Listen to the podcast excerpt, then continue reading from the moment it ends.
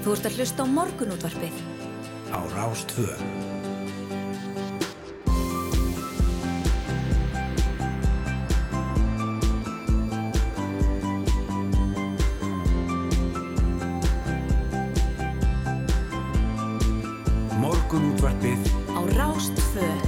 Góðan og blessaðan daginn. Hér heldur morgunúttarpið af stað 5. daginn 16. júni og hér setja Snæður Sundardóttir og Yngvar Þór Björnsson og ætlum að vera með ykkur til klukkan nýju. Já, já, falliðu sumar morgun en það má alveg segja það að þetta líður hratt þessa dagana. Já, emitt, mér finnst við valla að segja annað en að tíminn líður hratt en uh, það er alveg rétt. Uh, hins vegar er það samt alltaf þannig að tíminn hægir tölvöld á sér þegar að að frí hefst Já, og uh, ég held með þetta búið til því og. Já, já. E, það er lítil svarta rigning hér á Suðvesturhorninu en, en glampandi sól fyrir norðan og austan og áverð þannig í dagum fyrir nú betur yfir veður og ferð hér í lok e, þáttar. Nei, ekki lok þáttar, jú, stundum í lok þáttar, vissulega, en, en líka e, eftir sjöfréttir á fyrir veður og ferð. En við skulum fara stutt yfir það ja, hvað verður á, á dagskrái okkur í dag? Emitt, Þíska fjármála eftirliti gerði í síðasta mánuði húslit hjá Deutsche Bank vegna grunnsum grænþvott, þar að segja að fulleringar dóttufyrirtækis bankan sem sjálfbærar og umhverjusvarar fjárfæstingar stæðist ekki skoðun. Ætlum að ræða þetta áhugaverð mál og um grænþvott almennt í fjárfæstingum við Efi Margreti Ævarsdóttur lögmann og ráðgjafa í sjálfbærni. Emitt, en fréttablaðirætti gerði íbúið á Óðinskötu í Reykjavík sem sögði ástand við hús nummer 14a og 14b við göttuna vera óvið unandi. Nú húsin hafi verið umsónarlaus í um fjögur ár, hafi verið í algjöri niður nýslu og íbor gaggrínað ekkert hafi verið aðhafst.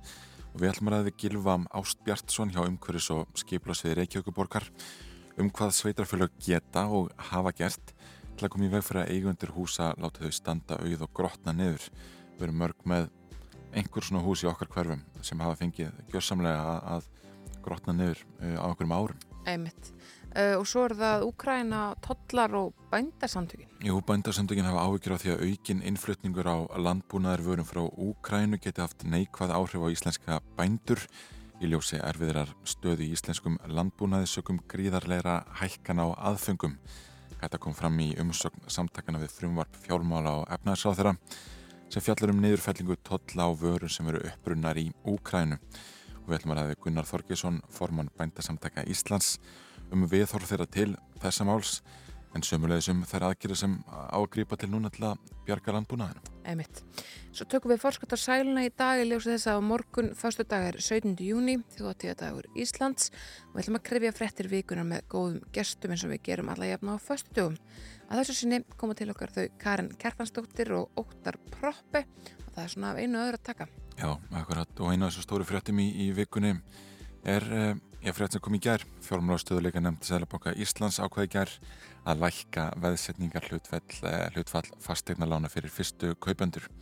Og við ætlum að ræða við Ásker Jónsson, Sælabankastjóra sem segir tilgangi verið að bregðast við hækkandi fastegnaverði og mikilli skuldsetningum ungs fólks. Og það er nú fjallað um þetta hér á, á fórsíði morgunblassins, það er feitletruð stór fyrirsögn sem er einfallega móðgun við ungt fólk. Uh, og uh, hér er rætt við uh, já, Móniku Hjálptínsdóttur varaforman félags fastindarsala hún segir aðgeri selabankans til þess fallnar að útloka ákveðin hópkaupenda frá fastindamarkaðinum þeirra sem koma nýjir inn á markaðin og hafa ekki tök á því að taka óvertrið lán en munu ekki standast greiðslumat á verðtriðum lánum.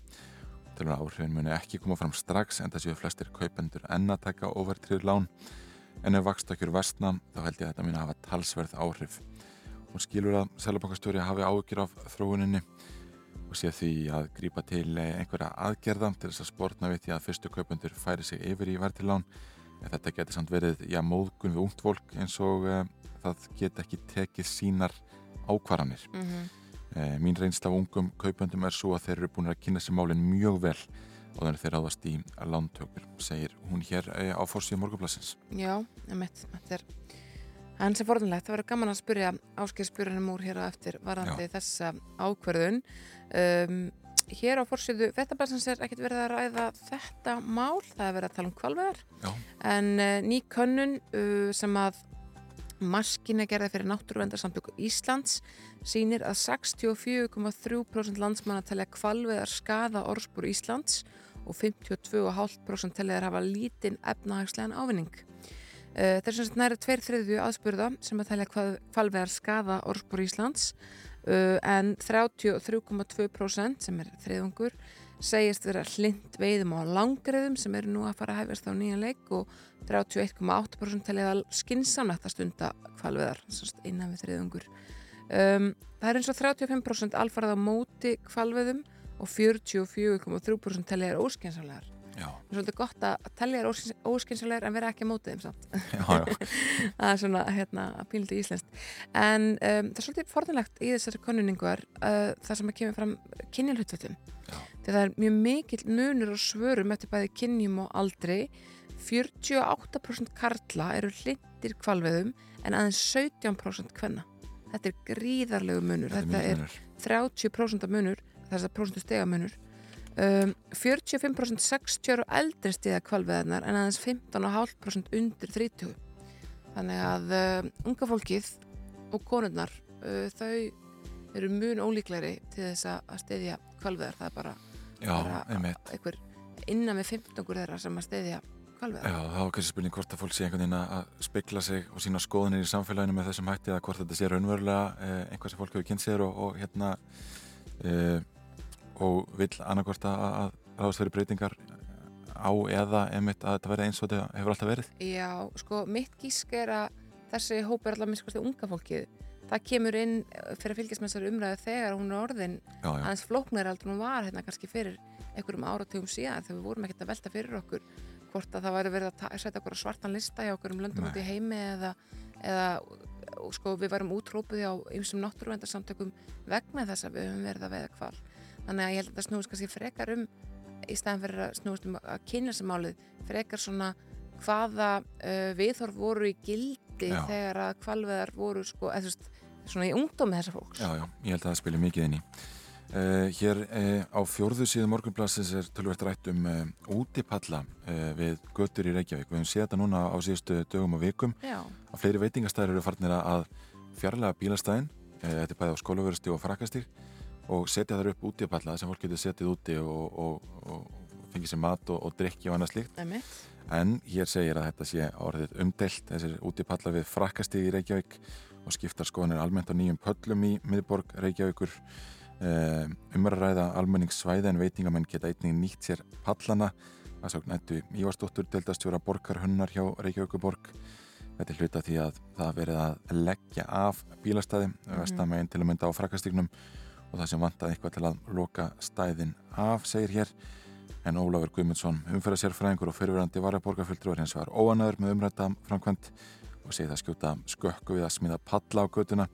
Það markmið er að breykana og maður skilur ekki af hverju verið er að vika götuna til þess að þrengjana síðan aftur með þessu og þetta sé enn ein aðförin að umferðinni í miðborg Reykjavíkur. En e, þegar maður hefur gengið hana framhjá eh, þá er alltaf, alltaf smekkfullt af, af fólki sem, sem nýtir sér e, þessa palla já. og miklu skemmtilega að borða út en að borða inni Ég, það finnst mér. allavega þegar veðrið er svona þegar, þegar tækifæri gefst, þá er það alltaf fyrsti kostur, sko. Það Já, er já. bara einhvern veginn að anda sér fersku lofti og meðan maður kingir, er bara annar. Það er alltaf það. maturinn rennur betur niður já, það er miklu betur niður. Já, þannig, já. Herðu, uh, hann og hittu þetta að, að frétta frá því í nótt og uh, náttúrulega þinglokk og, og annars líkt að remma áallun og, og fyrir var dómsmálun á þeirra með að heimila sölu áfengis á framlössustad að til að mynda samþýtt. algjörlega. Við fyrir kannski eh, bara betur yfir það á eftir. Ég hugsa það, við ætlum að fá frétti núna klukkan 7.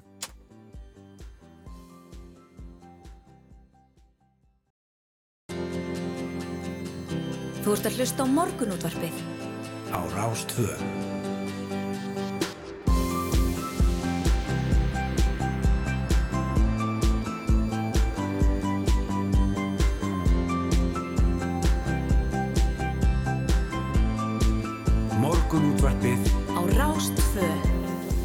Morgun útvarpið býður, góðan dag, 5. daginn, 16. júni. Sjöfrættir að baki og það eru yngvar Þór og Snæru og Sindardóttir sem ætla að vera hérna með okkur til klukkan nýju eins og við höfum verið hérna alla virkað í vikunni. Já, emitt. Og uh, við verðum eins og ekki hérna morgun. Á Nei, nei. morgun er þjóðutöðdagur Íslendinga og við ætlum að fara á hoppukastala í hljómskólgarinu með eitthvað. Jú, akkurat, fara á þessa belgi sem, sem eru búin að hérna, koma sér fyrir alltaf Já, einmitt, já, nei, þeir eru hverstags Þeir eru hverstags, já, Já, já. En nú á ég ekki Nei, hérna, þeir eru mér hverstags þykir þetta allt spennandi bara. maður fyrir hoppu kastala bara, Já. þú veist, sem að hérna, komið fyrir þennan eina dag á ári í Einmitt, hljómskulgar. Já, akkurat. En hvernig var Þetta er skemmtilegt. 17. júni í Hafnafyrði þegar þú varst bara? Það var áskaplega skemmtilegt. Mm. Það var mikið á, á Víðstatúni og, og hérna og annar staðar. E, jú, jú, hoppukastali og og, og, e, og, og ég held að það verið hlaup reglulega, eða ekki sönda júni.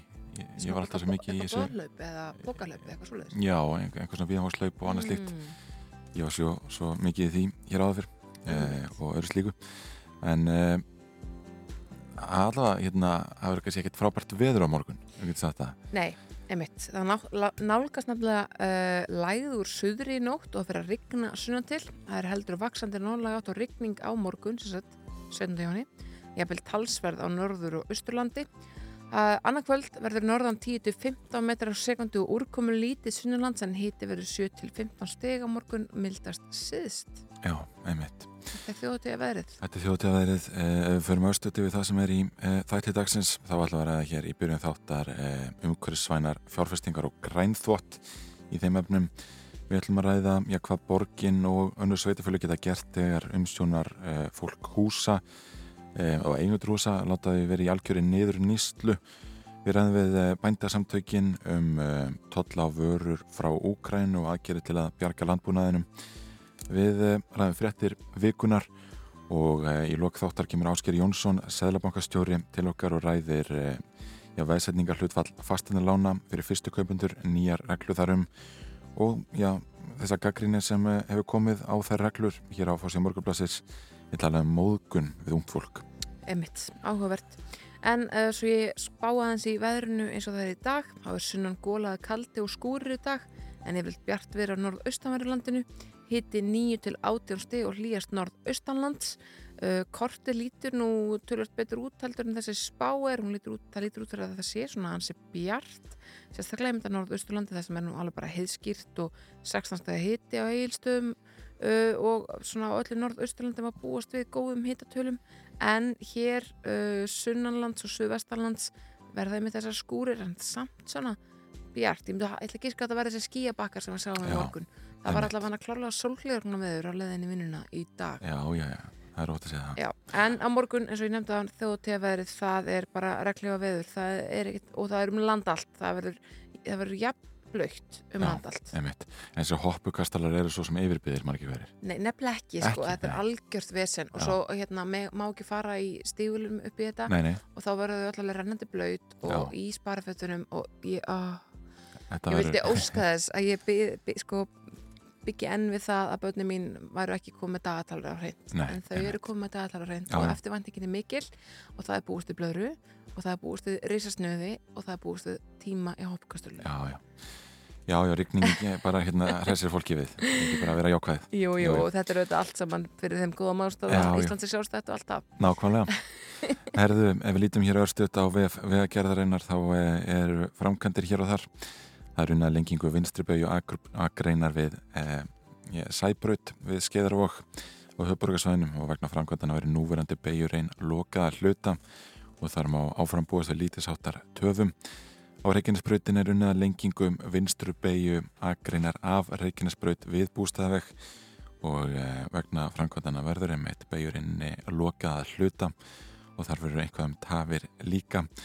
Sumu sögu er að segja á nýbila veg, e, þar verður unnið að Malbyggs e, viðgerðum, milli ringtorks við Kringlumýrarbraut e, og gatnamóta við Birkigrund og Hjallabrekku. mm -hmm. Þar verður reynilega lokað fyrir umferð meðan unnið er að e, viðgerðum en hjáleið þeir e, velmertar og framkvæmdir standa yfir núna á milli 9 og 2 þannig að þau sem er að koma sér að staðin í daginn núna ætti að drífa sig.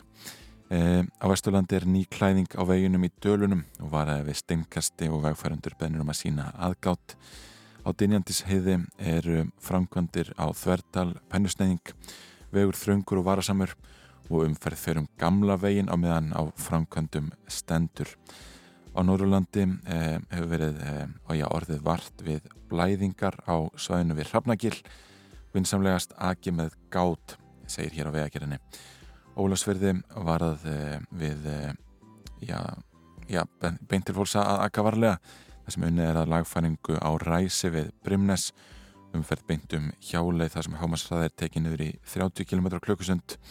Og Ístulandi eh, er blæðinga eh, vart á Fagradal upp frá Eilstöðum og vegfærandu bennur um að akka með gát og nýklæðingar á veginu milli Berufjörðar og Stöðafjörðar þar er varaði stengasti eh, Suðustulandi framkvæmdi við slitgólfsskipti og mottur er á brú yfir Kotá einhver sem fólk þarf að hafa í huga á Suðurlandi er unnið að byggingu brúar á stóru lagsa eins og við um áðunemt áallu verklokk er í haust og að hálendinu er frost en að fara úr jörð eh, og hálendisvegir viðkvæmur og ber ekki umferð.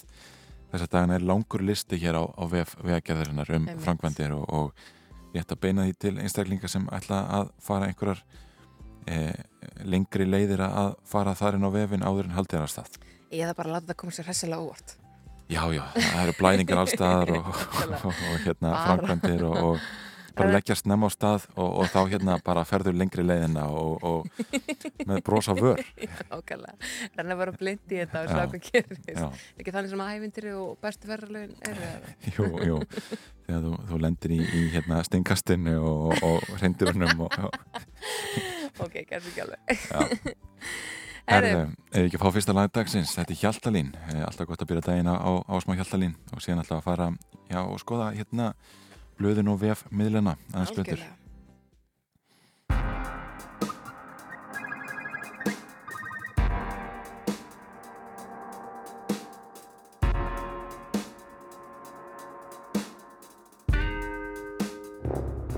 It's morning and we're blue. Cause what happened all night through was made for me and you. And now it's gone. There's a certain kind of love that will show us the way. So when your lips meet mine, I know I'll ask.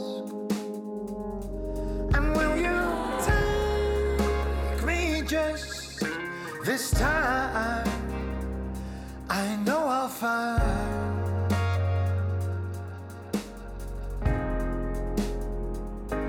And will you tease me just this time? I know I'll find. I know I'll find love from 99. We got the feeling right in time, drifted by. What kind of fool am I to let the world go by and lose another smile? What kind of lips were those who lied with every kiss and now I feel the miss? It's time for love from 99. Got to dream alive, but we had to say goodbye.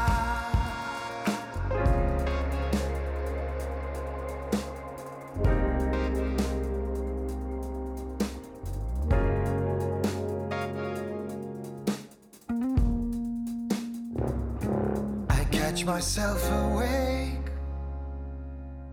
in the middle of the night. The bed is empty by my side once again. So I travel back in time to another century that was made for you and me, where I say.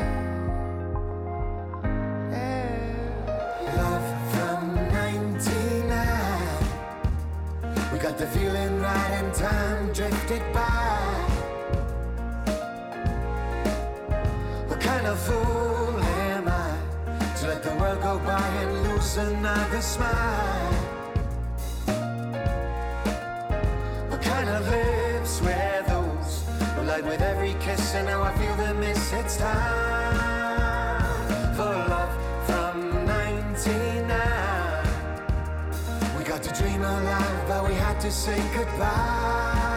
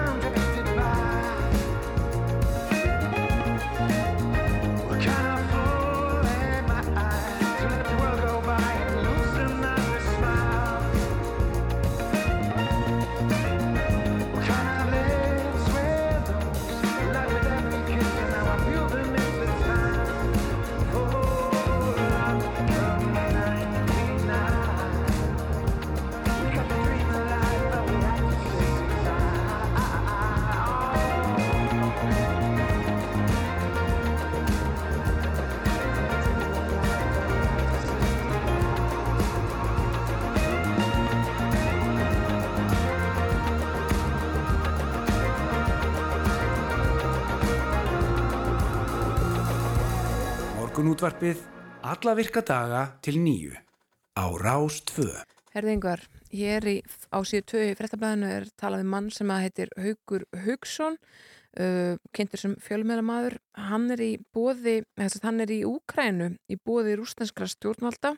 Eða bóði Pútin eins og það er orðað hér í þessari frett uh, stattur í austurluta Úkrænu í, í e, Dónarsk héræði og segir um, að þetta séu ferðir sem, skip, sem séu, sem séu skiplaðar að frettamanna þjónustu varnamálaráðunds mm. Rúslands fyrir innlenda, innlenda og erlenda frettamenn en hins vegar þá taki mainstream pressan ekki Já. þátt í þessu þar að segja BBC, CNN, Reuters, Guardian og þeir sem vitna, semst yfirleiti vitnað í, eins og hann nefnir hér þessi haugur, um, þau eru ekki í þessu að hann er semst að sapna sér efni fyrir fyrirhugað á YouTube rás og segir að um, Hann segir að Úkræna hafi þróast út í bananliðveldi Vesturlanda, ekki síst með hjálp bætenfæðka uh, og uh, hann vil meina að þessi maður að, uh, að þetta sé, sko, það sem hann sjáu sé alls ekki það sem að, að meginströmspressan uh, hafi uh, svona líst sem ástandinu. Já, hann ekki spyrið hvort honum finnst þetta réttlætanlegt að Vladimir Putin hafi ráðist inn í Úkræna og svara því og þá leið að hann sé ekki að réttlæta stríðið það er engin veginn e, þannig að ég sé að mæla því bót segir hann réttlæta eða segja þessi gott mál. En hins vegar þurfa menn ekki síst stjórnmálamenn, diplomater og fólk sem er í æðstu stöðum og fari laun fyrir að þekkja eða þykjast ekki að hlutina að vita hvernig þetta byrjaði og fórleikurinn að þessi er mjög grimt borgarastrið segir hann hér.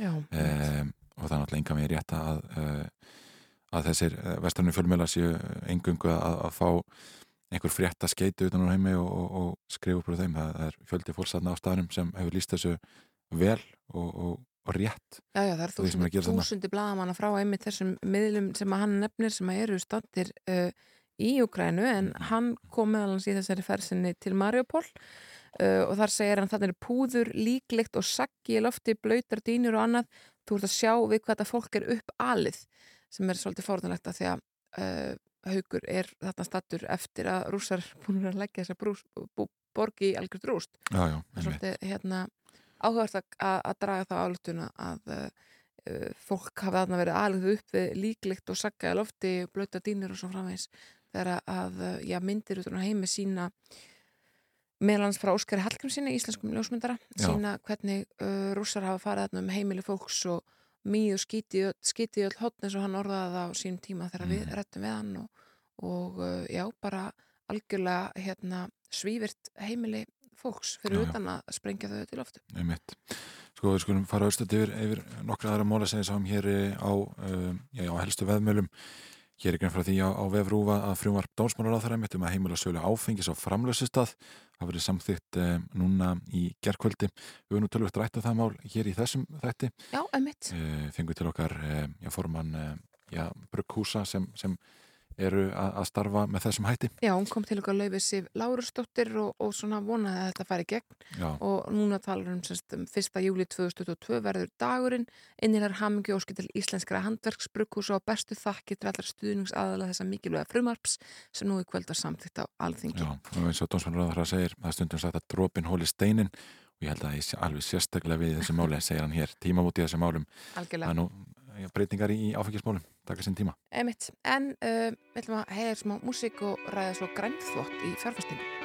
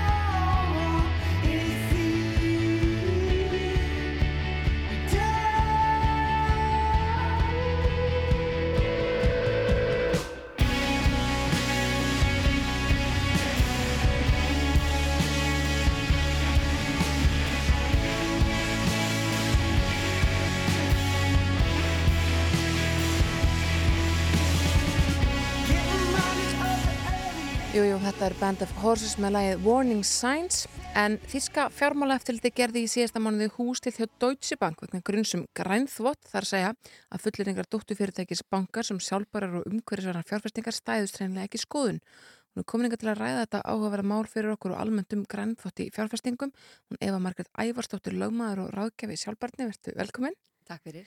Sko, tölum aðeins um uh, þessa húsleit sem að, Þíska fjármálaeftildi gerir hjá Deutsche Bank, meina það er ekki gert að nefnir létt og þú fara í húsleit til banka uh, vegna Gunnsson Grænþótt. Hvað Nei. er málið? Það er alls ekki gert af léttúð og það mættu þarna 50 manns frá eftirlitinu í Þískalandi bæði ríkisaksóknari, eða bæði saksóknari og hérna, aðilar frá fjármál eftirlitinu og ástæðin er svo að þetta er búið að vera í fréttum á síðasta ári ástæðin er svo að það hafa komið fram ásakanir um að þau væru ekki að setja fram upp, upplýsingar sem að stæðust skoðun uh, í, árs, í sest, árskíslum sínum.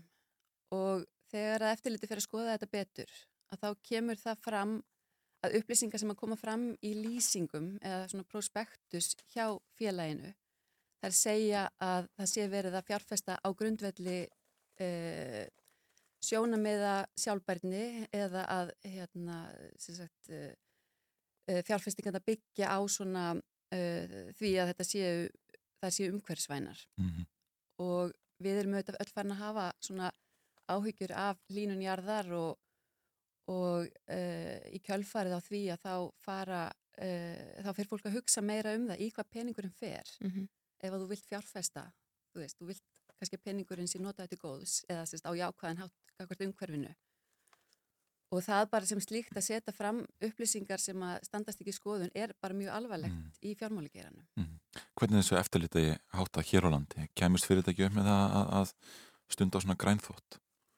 Sko það er svona me meiri fókus að færast á þetta og eins og í fjármálageiranum að þá er þetta uh, svona kannski daldi nýtt og um, fyrir, eða sem sagt fjár, fjárfestar hér hafa kannski ekki endilega verið að markað setja uh, sínar fjárfestingar sem svona umhverfisvænar eða sjálfbærar þannig að uh, það hefur kannski ekki enn- ennþá reynt á það Nei. Mm. En er það ólöglegt, eins og til dæmis bara á Íslandi, er ólöglegt að segja að við fjárfæstum í grænum uh, sjálfbærum fyrirtækjum og gera það svo ekki? Ég, ég meina, það er náttúrulega að segja að þú sérst að fjárfesta í einhverju, bara mm, slík fullirðing, Já. ef þú ert að segja það við fjárfesta, þá er það villandi. Mhm.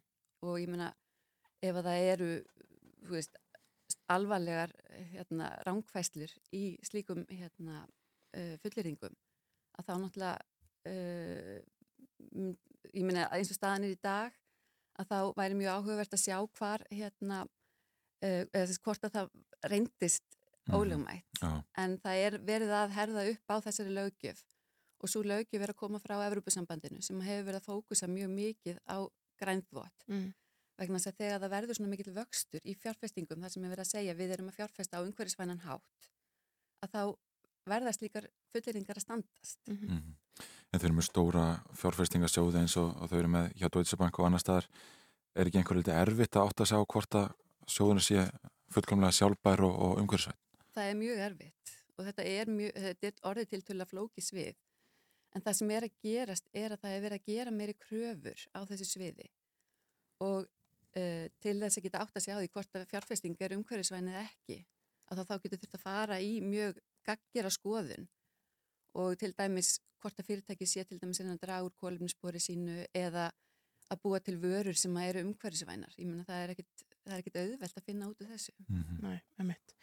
Sko, eh, heldur þú að Íslands stjórnvald hefðu bolmagt til þess að skoða þetta? Man finnst einhvern veginn þessi svona mál sem að hafa verið til rannsónar heldum sig hérasaksónar eða sérstökum saksóknara varandi sko fjármálamisverðli ímiskunar þau hafa verið afskablað þungi vöfum uh, fjármála eftirldi komin til selabankan og svo framvegs, ég meina gætu Íslands stjórnvald rannsaka þetta eða skoða þetta, haft bolmagt til þess. Nú þegar að við erum svona að reyna aðeins að spila í þessar svona grænu orku, græna land og svo framvegs svona þeim uh, þeirri kategóri smæðin eru þetta alltaf áskorun Já, og svo veltur þetta náttúrulega bara á því hvað er sett í forgang. En alvarlegar ásakanir sem koma fram sem að vekja mikla aðtigli þú veist uh, ég held að það myndi alltaf, alltaf hérna, fá aðtigli yfirvalda. Mhm. Og svo náttúrulega líka bara þetta er, þetta er náttúrulega ekki gott ef að þú ert kannski gripin við að setja eitthvað fram einhverju fulleringar sem standast ekki og almenningur fer bara að, að skoða það. Þetta getur haft bara hérna, verulega áhrif á, á hérna, uh, bara hérna, nú er ég bara með ennska heiti reputational, Mhm. eða þessi Já, hérna, já, reputational risk sem já bara orðspor. þessar sjóðs. Já, eins og bara hefur komið upp í einstökum málum hér á landi. Mhm. Þetta er náttúrulega bara svolítið sambærilegt. Já, einmitt. Forðunlegt, uh, takk kærlega fyrir að segja okkur frá þessu forðunlega máli Eva Margrét Ævarsdóttir, lögmaður og ráðgjafi í sjálfbarni. Við þurfum að skipta yfir á frettastofuna, heyra fretta yfirleitt. og síðan við að ræða niðurnýslu á, á húsum og hvað sveitafjölu geta gert í, í þeim öfnum og síðan ræðum við bandansöndökin um uh, já, niðurgræslu uh, já, á, á ja, niðurgræslu tolla getur við sagt á, á einfluttum förum frá Úkrænu Já, bandarsöndingi leggjast gegn því að þeir tolla verið niðugrættir, telli það verið vant fyrir íslenskan landbúnað. Það er forðanlegt mál. en fyrst fyrir þetta Þú ert að hlusta á morgunútvarpið.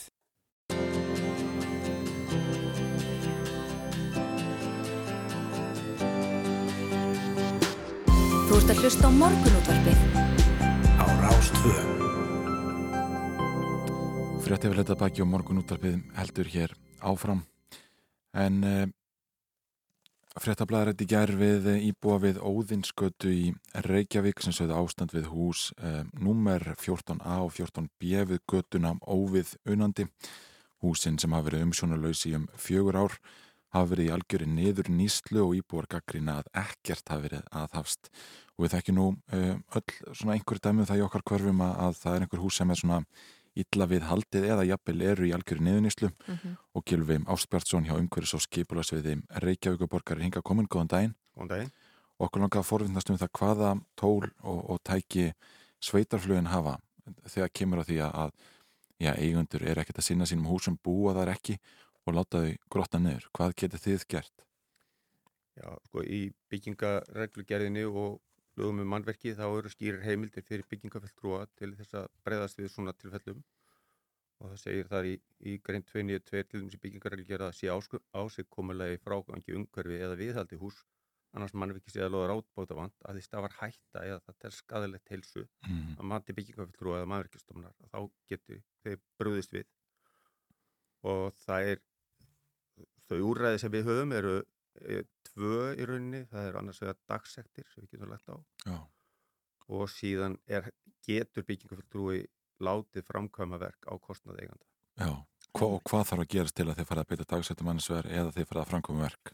Eða, sko, við, ef að við fáum ábendingar um hús sem er í þessu standi eða vitum að þeim, þá fyrir við við skoðum og, og þetta er ferill sem að hefur verið settur upp á húsnæðars mannverkjastofnun og, og er og getlega líst í leiðbynningu frá þeim.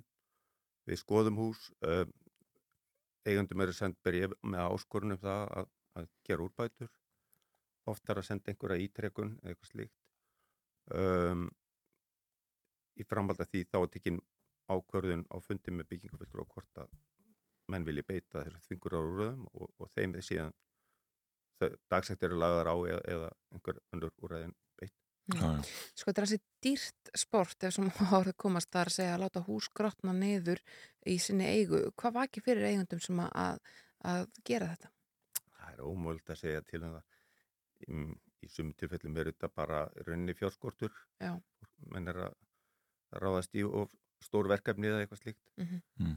Um, þetta eru til dæmi sem að menn telja að, að menn sé að viljandi að láta húsgrotna niður til þess að fá síðan að rífa þau. Mm. En, en um, eins og ég segi, við höfum þessar heimildi til þess að beita þessu þvingur ára. Mm En gengur þetta einhver leiti of hægt að, bregðast við þessu þegar svona er?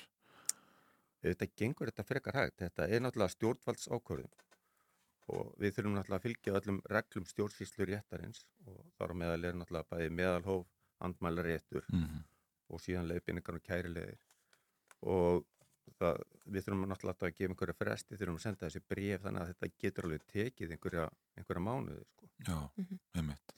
Sko þessi hús eru þetta í raun og veru slísagildra. Bæði bara svona með, út frá bruna varna tilliti en, en líka ef að fólk er að fara inn í þau, jafnvel krakkar í hverfinu og svo framvegis.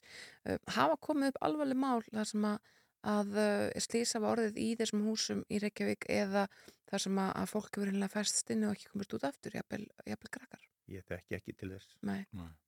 En veistu þetta, út af þú er náttúrulega hjá, hjá Reykjavíkuborg, veistu hvort það sé mörg dæmi um hús sem er í, í algjöru niðuníslu og, og þið hafið þurft að bregðast við. Er þið mikið að beita sem dagsættum? Við erum ekki, nei, dagsettir eru sem betur fyrir úrreða sem við þurfum ekki að beita mjög oft.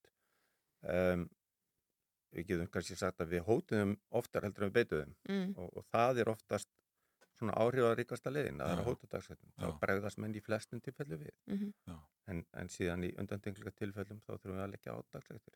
En eru þetta í einhverjum tilfellum hús sem, sem að fólk hreinlega býri og jafnvel á sjálft að bara sinnir þeim ekki?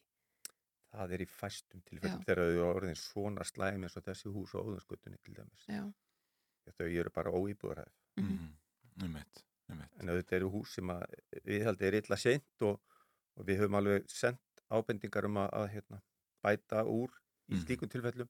Það er miklu sjálfgjafari, yfirleitt eru þessi hús komin í, mjög langt í niðurnýðslu já, þegar kemur til okkar kasta. einmitt. En þegar þið farið að hóta dagsættum öðru slíku, hvernig viðmótið, hvað viðmót fáið þið frá eigundum? Eru þeir ósáttir við ykkar aðfinnslur og, og eru þeir bara í baráttu fyrir því að fá að rífa húsið og byggja þar íbúablokk sem ætla að leiða út? Það má segja að sé bara eiginlega eins misjæft og mennirnir eru margir. Já, En nei, flest, langt flestum tilfellum bregðast menn við og, og verða við okkar tilmælum um það að bæta úr. mm einmitt. Og ef það er ekki gert, þá, þá þurfið þið að ganga lengra. Já, þá, þá göngum við lengra á og þá í, já, við höfum ég man ekki til þess að við höfum mm, látið framkvæma verk á kostnað eiganda eins og við höfum heimildi til Mm. en við beitum dagsættunum og þar hafa reynst okkur bara mjög svona áhrifaríkt verkværi. Já, og hvað eru þær háar? Það er geta verið alltaf 500.000 Á dag? á dag samkvæmt reglugerðinni. Já, Vá. En þá getur við náttúrulega þá kemur sko inn meðalhófsreglan og allt þetta líka. Mm. Mm. við höfum ekki lagt svo háar á. Ég man ekki í fljótu bara eftir herri heldur en 100.000 á dag. mm Það er samt tölur fjárhæð. já, Það er mjög mikið. já, Já. En það, því beitum við náttúrulega bara í alvarlegustu tilfellum. já. Mm. En er erfitt að skilgrina það hvenar hús er í niðuníslu? Eru eigundur sem bara segja, herru, hérna, þetta er bara allir læg? Það er mjög sjálfgeft. Já. Yfirleitt. Já, Vita þið- menn alveg upp á sískomina. já, Einmitt, já, þetta er sannlega forðanlegt. Takk kærlega fyrir að koma til okkar Gilvi Ástbjartsson hjá skipulagsviði Reykjavíkuborgar Það til var að lífið. fjalla um. Það var lífið. Þetta er lagið Getting Started með Sam Fender sem við bjóða okkur hér næst upp á.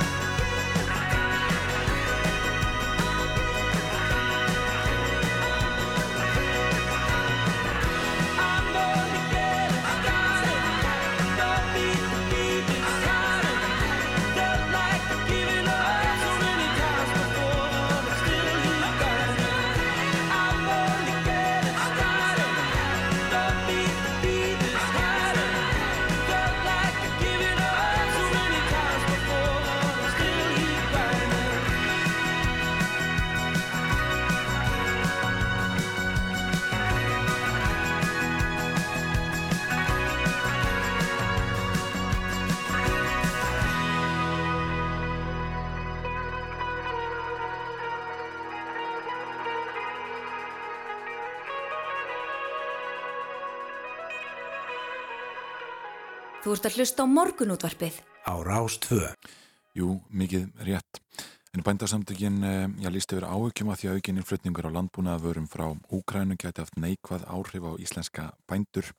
Í ljósi erfiðra stöðu í íslenskum landbúnaðasökum gríðalega hækkana á aðfengum. Þetta kom fram í umsókn samtakana við frumvarp fjármála og efnaðsráþara sem fjallar um niðurfellingu tolla á vöru sem upprunar eru í Úkrænu og það er nú verið mikið að frétta eh, af landbúnaðinu núna eh, síðustu daga. Kynntar ímsar aðgerrir og hinga til að ræða þær og annað er komin Gunnar Þorgeirsson formaður bændasamtaka Íslands, góðan daginn. Góðan daginn. Við byrjum aðeins á þessu frumvarpi sem snýr um eða snýra að niðurfellingu tolla á vörur sem eru upprunnar í Úkrænu e, Þið vilja fara einhvern, einhvern milliveg þar frekar? Já, frumvarpi náttúrulega þá, ég fylgist nú með alþingi í gerkvöldi og þá var nú bara samþygt og breytt. Já, og uh, gott og vel. Uh, það er andriksveit sem að kemur fram í greina gerð með frumvarpinu að það er uh, í raun og veru hafa menn áhugjur af ákvörnum vörum og eins og mjölkudufti og eins helbriðis eða sérst helbriðis vottalóðum gagvart innflutningi og kjöti. Og við svo sem skerpum bara á því mm í okkar umsögn. Við, við erum ekki að segja að við getum ekki fallist á frumvarpið sko það er langu vegur þar frá heldur bendum á það er staðrindi sem að koma fram í greina með frumvarpinu Já. og síðan einu yngar vörður á leiðinni í raun og veru heldur er þetta bara felt niður einhliða í heilt ár þannig að hvað gerist í middeltíðina á heilu ári Mm. það er enga vörður í frumvarpinu um það að það skuli meta áhrif þess á einhverjum ákvörðum tíma eða neitt og það er það sem við höfum tal, talsverðar á að gera af þannig Mm. En þið segið sko að í ljósi erfira stöðu í Íslandskum landbúnaði sögum greiðilega hækkana aðfengum hafi þið að- eðlilegar áhyggjur af því hvaða áhrif innflytningunum kunna hafa á ykkar félagsmenn? En það líkur samt ljóst fyrir að þetta er um, þetta er ekkit uh, margir vöruflokkar sem að við vantalega komum til með að flytja inn. Við komum ekki til með að flytja inn kjúklinga eða egg. Þetta er aðalega þetta mjölkuduft eins og nefndir. Eh, hver segir að við getum ekki flutt inn kjúklinga? Já, það er talið bara ólíklegt samkvæmt Já, ég segi þessu. það er ólíklegt en Já. það getur alveg gerst sko. Það, ég menn það er til frosni kjúklingar í útgrænu sko. mm. Já, og hafið af því að þetta eigi bara við um, um fleiri vöru þá en, en mjölkudufti ég, það stendur bara í frumarpunu það eru allar vörur frá úgrænu Mm. með 0% tollum. Einmitt, einmitt. En nú er stjórnvölda einhver lit að koma til móts við ykkur með ýmsum aðgerðum. Um, er það nótla slá á þessar áhyggjur? Ég held að við hefum alls ekki að blanda þessu tvennu saman sko. Nei. Það er sko, það, það, í mínum huga er það bara allt annað mál sko. Mm. En sko það eru þetta stríð í Úkrænu og, og einhvern veginn heimsbyggðin alþjóðarsamfélagið er að reyna sitt allra besta til þess að- að breyðast við uh, þessi tollar niður uh, hérna, að falla niður tollana hún er sumleiðis í Breitlandi og öðrum Európu ríkjum sko er ekki eðlilegt að í eitt ár 365 daga þá sko gangi Ísland feti Ísland þennan veg er það, er það og verður það skadalegt fyrir land, íslensk, íslenskan landbúnað? Já, Európusambandi sko setur vörður á niðurfellingu á sí, sínum tollum sko. Mhm. Þetta er ekki svona, það er ekki bara skrifað feldi niður allir tollar á vörum frá úgrænu puntur og svo ekkert meir sko. Nei. Það eru vörður í Já. Já. í þessum niðurfellingum og við fengum náttúrulega ekki mjög marga daga til þess að hafa skoðun á þessu ágjöndafröðvarpi. Það var ekki sendt formlega til umsagnar. Það var ekki haft samráð við bændarsamtökin um það hvort að við hefðum einhverju skoðun á þessu. Mm Heldur sá við þetta bara byrtast á við að valdingis og sendum inn aðtöðsend. Þannig að eins og ég segi það, þetta er gert bara svona quick fix. Já, einmitt. En er ekki um að gera og, og bara nöðsynlegt að hjálpa úkrænskum bændum, úkrænsku þjóðinni sem er náttúrulega mikið landbúnaða þjóð eh, bara með öllum hætti sem við getum og bara ef þau vilja senda enga kjúkling þá, þá kemur kjúklingur. Jú, jú, ég, ég, ég, ég, ég er alþingi búið ákveða það, sko. Já, já, Já. Það er bara þar. Það, þið lítið þá kannski bara á að það sé ykkar hlutverk að mótmála öllum uh, allri uh, tollarniðurfellingu, hver sér sem hún er eða hvað? Ég held að við þurfum bara að hugsa um, sko, áhrif þess að fella niður tolla á landbúnaðurum. Þess vegna eru við með samninga við Evropasambandið og ESB Mm. um hvernig það skuli, því skuli hagað. Já, Því að þetta hefur bara gríðarlega áhrif á ekki bara Ísland, þetta er áhrif á öll lönd sem að stunda landbúnað. Já, einmitt. Þannig að Við rættum aðeins þessar aðgerið hérna sem matvalar á þeirra uh, kynnti fyrir einhverju síðan núna. Já, er það nóg til að, til að bregðast við svona hækkandi afurðaverði og, og, og, og hérna og þeim kostnaði sem, sem bænda þurfa að mæta núna? nýja við uh, sko í aðranda eða í vinnu spretthópsins að þá, þá eru aðfanga hækkanir í hildinni áallar á þessu ári um uh, milli 8 og 9 miljardar. Mhm. uh, Ríkisvaldi hefur komið núna með uh, 2500 miljónir pluss 650 miljónina sem komið í ábörðin þannig að Mm. Það eru einhverjar 3000 miljónir uh, en auðvitað þurfa menn að bregðast við til þess að, að brúa þá restina sem eftir er. Og það er heilmikið verkefni. Þannig að ég svona ég, ég fagna nú niðurstöðu þess að ágæta sprettops og, og vilja ríkisins til þess að koma mútið bændur því að þetta hefur verið alveg gríðarlega baróta Já.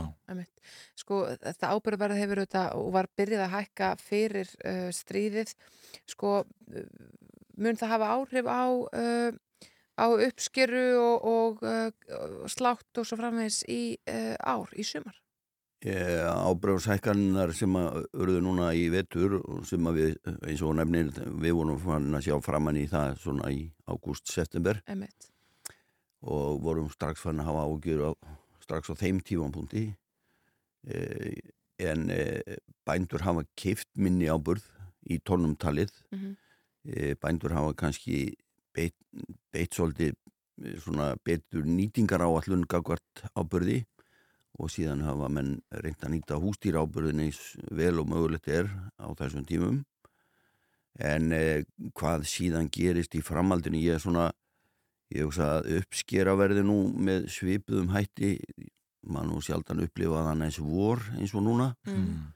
sem er algjörlega búið að vera dásanlegt og, og menn eru bara talsveit byrjaðir að slá allavega sunnan heiða. Mhm.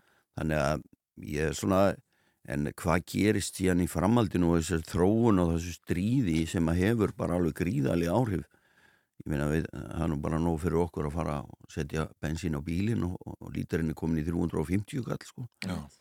e, verða á áburði hangir alveg saman við orkuverð í heiminum Mhm. þannig að hvort að áburðaverði eigi þetta að hækka um 50-60% ef að menn halda áfram þessu bar, barningi þannig á grænusvæðinu það, þá bara framtíðin eftir að leiði ljós en, Mm. En þetta eru náttúrulega bara gríðarlega áhrif á alla heimsbyðina sko. Já, einmitt. Og það sér ekkit fyrir endan á þessu stríði. Hvað þóla bændur lengi þessa stöðu?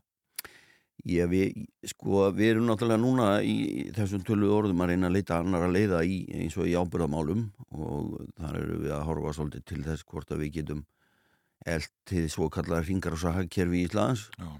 í að nýta fiskiseiru, nýta betur uh, hústýra ábyrð og hvernig uh, komið og hugsanlega með þessi fiskiseiru verkefni sem er svona aðeins að byrja að fara á stað verður mjög spennandi að fylgjast með því að á þeim grunni getum við losa okkur við hústýra ábyrð nánast allt árið sko og það er nú eitt sem hefur svolítið strandað að, að e, hústýra ábyrða geimslur hjá bændum eru takmarkaðar Já. þannig að því að það er ákveðin tími sem er hefnilegri til þess að keira hústýra ábyrð á agra heldur en annar þannig að þetta, er svona, þetta verður mjög spennandi verkefni að kljást við og er svona kannski hluti af lausnum en auðvitað sjáum við kannski ekki framann í það að það gerist uh, á einu ári en eh, kannski á tveim, þreymur árum að við verum komið með einhverja aðra lausnir heldur en tilbúin ábúður sko. Já, já, einmitt. Það eru þess að nýja ábyrða versmiðu hér.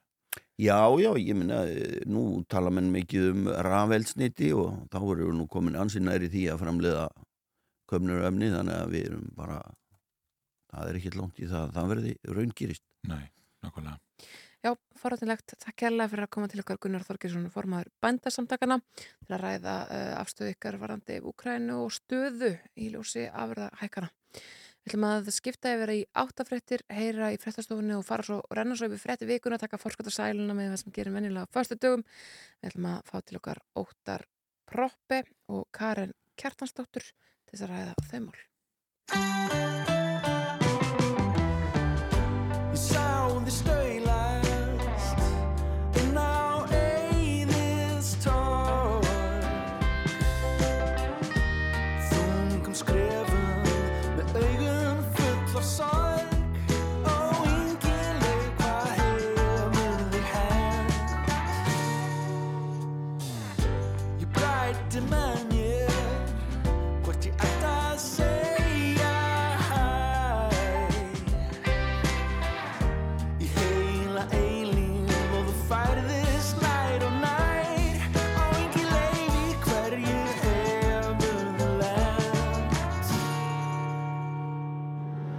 Hvað segir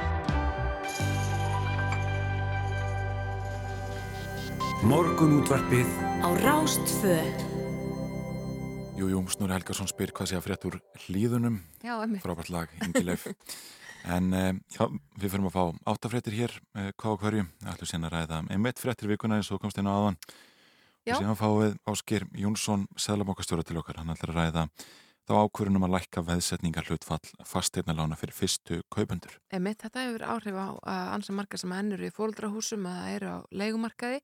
Þau þurfa einfallega að eiga herri sko, prósentu í útborgun held áður en að þau hérna, Þetta eru nokkrar auka miljónir. þetta eru nokkrar auka miljonir á mann. Já. Það fáum fréttastofur úr. Þú ert að hlusta á morgunútvarpið á Rástvö.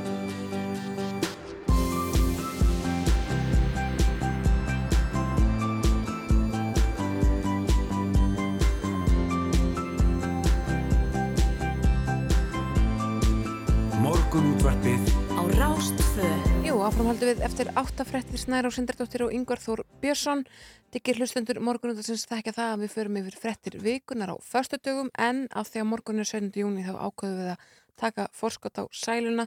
Viljum ekki sleppa þessum uppáhaldslið okkar hér í þessum þætti Nei, nei. og höfum búið til okkar, uh, já, góða gesti þau Karin Kjartansdóttir og Óttar Proppe til þess að aðstokkur við yfirferðina. Verðið velkomin. Takk. Takk hérlega. Sko það er eitt og annað að frétta, þingfrestunin var kannski hvað fyrirfæra mest í þessari viku. Um, ef við byrjum aðeins á svona stóra málinu í þingfrestuninni, það er afgræsla ramma áallunar. Um, Óttar, þetta er uh, mál sem að er búið að reyna að koma í gegnum þingi síðan 2015 og ekkert gengið og allt Já. var í steik. Þetta er alveg stórmerkilegt mál þannig, þetta er stór tíðindi að, að þetta skulle hafa nást í gegn eftir allan annan tíma og uh, það er þetta skrítið, sérstaklega kannski fyrir svona kallin sem mig sem hef verið inn í málum að reyna að horfa í gegnum þetta svona utanfrá. Mm af því að bæði til að byrja með ennú bara orðið ramma áallun og allt á baku þannig að ansið tæknilegt fyrirbæri Mhm. sem að ég held því miður að, að mjög, já, margir allavega átti sér ekki alveg á hvernig virkar hvaða ferli er í gangi þarna. Og uh, svo veit maður að sko, svona fer ekkit í gegn bara svona eitt, tveir og lalala af því að allir séu bara svona rólegir sko. Mhm. þannig að það hefur mikið gengið á einhvern veginn að púsla þessu saman og koma þessu út. Þannig að mér finnst aldrei fróðulegt að reyna að átta mig á því sko. Já, það hefur hefur orðið þarna einhvers konar, ég segi ekki sátt en allavega málameðlun Já. já, sem að já, síðustu nýju ára eru búin að sína okkur að það hefur alveg verið auðvelt að bara geima þetta. Já, Karen eh, Þorgjörður Katrín talaði um að, að þetta veri já, pólitísk rossakaup Ertu sammála því að er þetta merkis áfangi?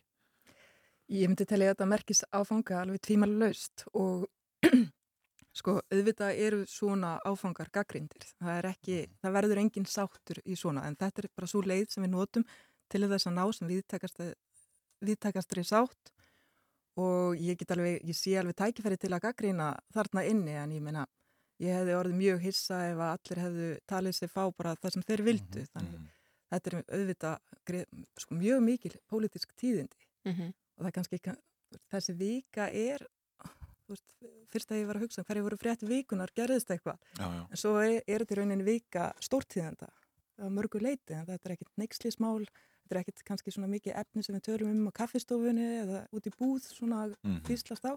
Þetta eru svona mjög stór mál svona til ef maður saknar þess í svona stóru máli akkurat að það hafi kannski, manni finnst umræðin hafa verið aldrei grunn Mhm. uh, svona út í samfélaginu Já.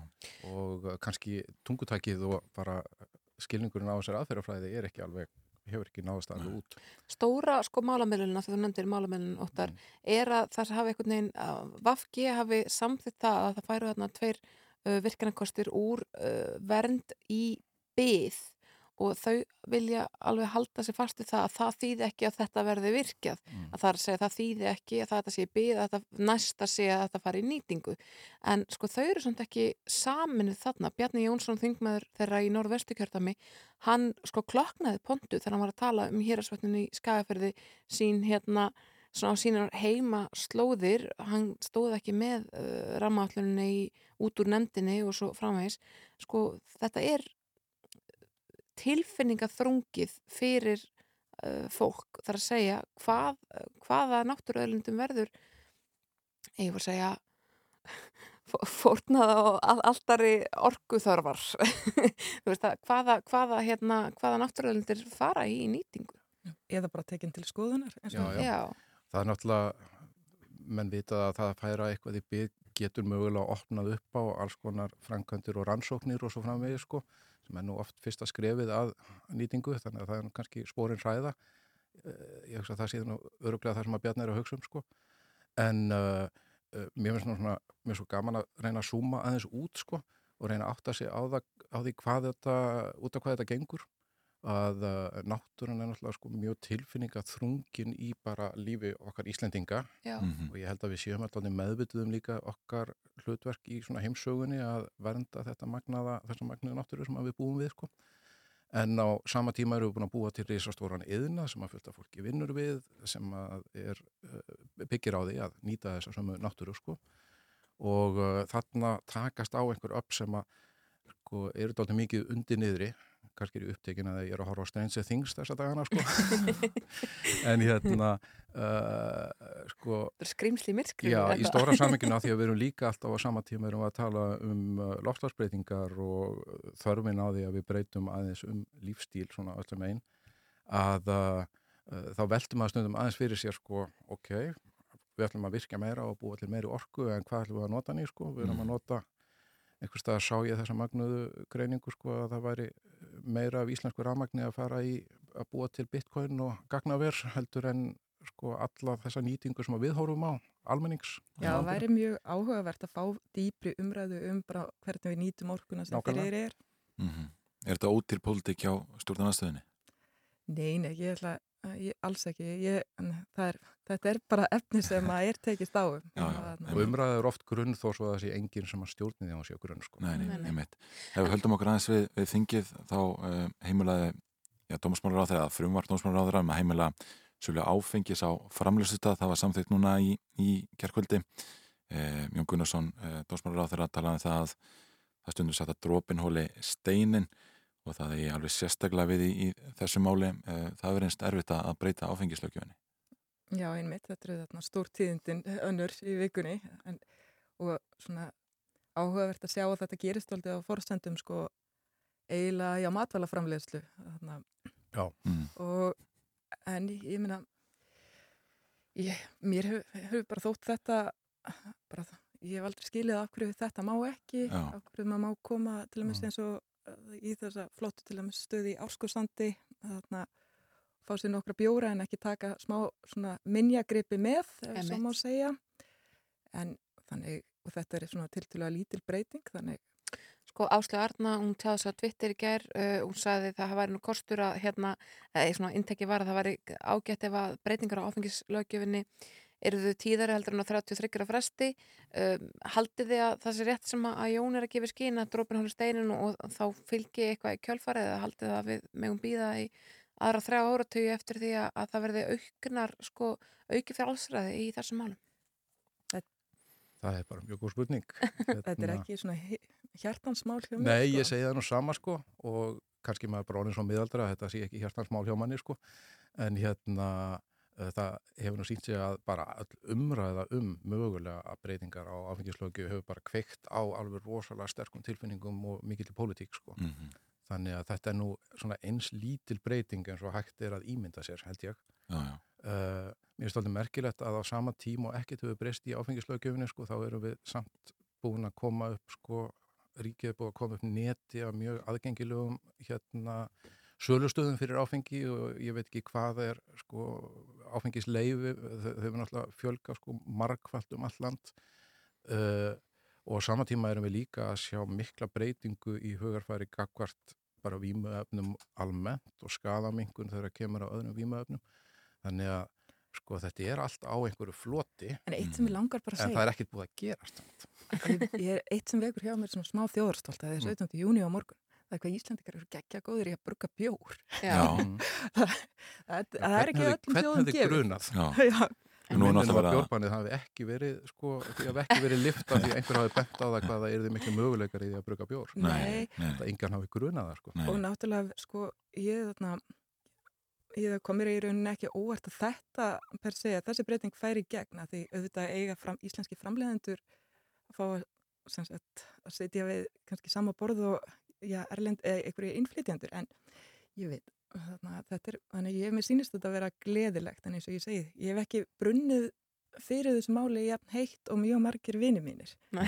en þarna, Sér get ekki beðið eftir að kaupa bjórin frá, beint frá bíli eða hvað? Já, eða nei, bara fá bjóri búðir sko, en, Já. þarna, en jú þetta, en þetta, ég held að flestir, ég hef ekki heyrt neitt tala gegn þessu mjög hátt sko og þannig ég held að það sé gleði tíðindi já, já. Þetta mjög- er svona rúsina í pursuendan fyrir allavega áhuga menn um. Kannski príðilegt fyrir Jón Gunnarsson að geta hósta sér á þessu eða næ, þegar hann lætur af embætti hafa náð þessu í gegn. Já, já, eru og sama tíma er tíðindi. verið að- að minka afsláttinni fríhöfninu á áfengi, þannig að það er, það er nóg að frétta í heimi áfengis. nákvæmlega. En hvað, hérna, hvað skilur þetta, þessi þingvætur eftir, veika mati?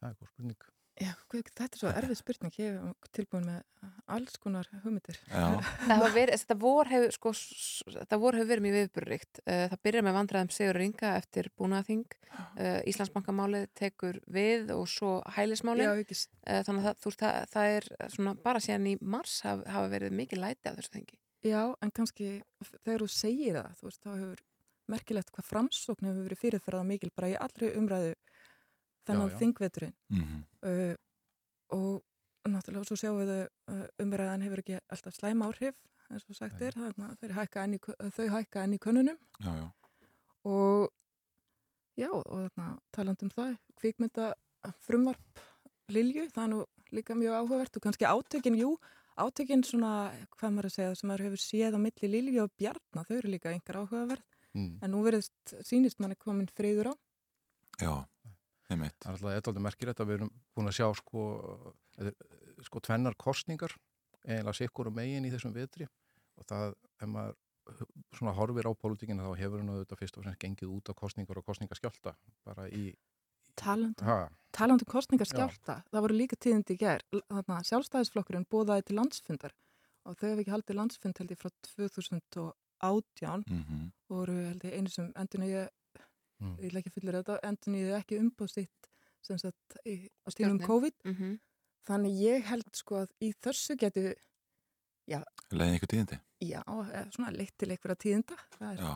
Er það, held, haldið það að Bjarni uh, bara kalla það gott? já, mér finnst ekki langsótt svona að velta því fyrir mér En-. Og þá velta maður fyrir sér hver næstur, það lítur að vera Flokkurinn hefur þetta síið í hans stjórnatíð, hann er búin að vera formað síðan 2009 og í öllum konunum og, og, uh, og uh, kostningum hefur flokkurinn svona gefið eildi eftir. Þetta hefur verið varnabart á allan tíman, ekki satt? Já, þetta er alltaf verið svona, tóltið, hvað maður að segja, upplaupstími í íslenski pólitíki yfir höfuð, sko, og það segir kannski eitthvað líka að svona power game eða svona spekulasjónir eru raun og veru kannski það mesta sem er að frétta úr pólitíkinni Mhm. og það að, sem er náttúrulega stór frétt, sem er þetta ris framsóknar, núna í gegnum tvennar kostingar og bara kannun eftir kannun. Uh, þetta er svona dálítið friðartími sem maður getur nú svo sem í íslensku pólitík oft bent til þess að, að muni draga til tíðan, en maður veit ekki hvort það verður fljótlega eða sé lengra í það. En maður hefur á tilfinningunni eftir sko rosaleg pólitísk tíðindi og mikið læti alveg frá því, frá hruni í raun og veru, í mörg, mörg ár, þá virkar eins og við séum komin í svona flatar í pólitík. Það er einhvern veginn minna að frétta og minni upplöp. Já. Og ég veit ekki hvort að það er tilvíðan kent kannski að einhverju leiti vegna þreitu eftir læti áran og undan sko.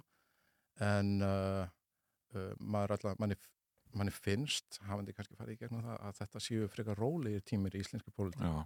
En, en útætt ríkisendur skoðanda á bankasölinni í sumar gett nú breytt því? erum við ekki, mér finnst svona, mér líður pínulítið eins og þú veist að við sem að fara inn í sumarið kannski 2008 eða eitthvað Mhm. Allir farin Já. í sumarfrí og allir bara að hugsa um eitthvað annað. Já, og þú veist, samt er eitthvað svona kræmandi undir niðri, það eru endalus ræðileg stórtíðindi utan úr heimi sem að velti fyrir sér og svo eru líka náttúrulega, ef við tölum um frétti vikunar, sko, þá það eru mikið svona nýjöndu nýjönda áratugs bragur á ímsu, Mhm. það er svona minnum að æskuna, það verður að tala um verðbólguna húsnæðisvandræði og veiðiráðgjöf og Mhm. þorskvótan og, Já, já. og útvegsmenn eru uggandi, þetta er allt mjög kunnuleg stef Já, já, stuðningur, sérstakur stuðningur við bændur og kjöttframleðendur og, og rifrildi um hérna, hjólreðamenn á götum og svona. Já, en það voru náttúrulega líka stórt tíðindi að sjá hana, í umsögn bændasamtakana Mhm. við frumvar Bjarnar Benediktssonar um nið, niðurfellingu á tollum frá vörum frá Úkræinu að þau buðu, buðu hennilega bara eða sem sagt það sögðu að vera afstæða þeirra að vandi Úkræinu væru stríðsátök Já. og svo buðuðu fram aðstóð bara hreinlega við í þessum máli, þessum stríðsátökum Mhm. þannig að þetta voru mikil Íslenski í bændur þessum muni grípa í heikvislunar. Já, mér finnst það reyndar, ég er nú mikill áhugi, áhuga maður um sko ellendarfréttir og svona og mér finnst það alltaf aðtæklusvægt núna því við vitum að stríði í Ukraínu geysar eins og aldrei fyrr en það er eins og það sé eitthvað að dala í fréttum og Mhm. umræðu og maður hefur séð spekulasjónir um það að það sé komin þreita í þennan stuðning eða þessa samstöðu Vesturlanda Mhm. og það finnst mér mjög merkilega fréttir sko. Já, Einmitt. Við komumst ekki lengra í, í þetta skiptið Karin Kjartansdóttir og Óttar Proppe, takk fyrir að kíkja til okkar í morgunútvarpið. Já. The letter just the other day.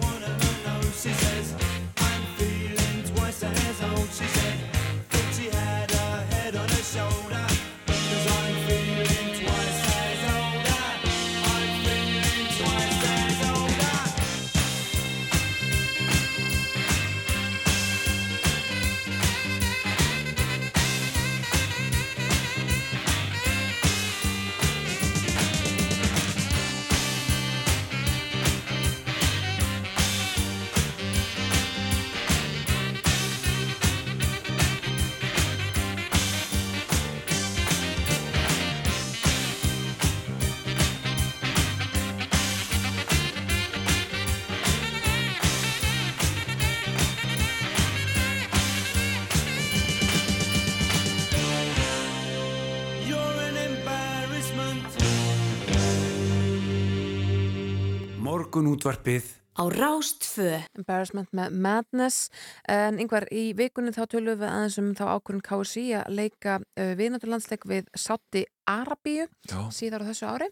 Og ég sé hér í fréttablaðinu fréttum það að stjórnandi Sátti Arabíu hafi, hafi herrferð og sé búin að gera rassjur gegn uh, hlutum í regnbóðleitunum.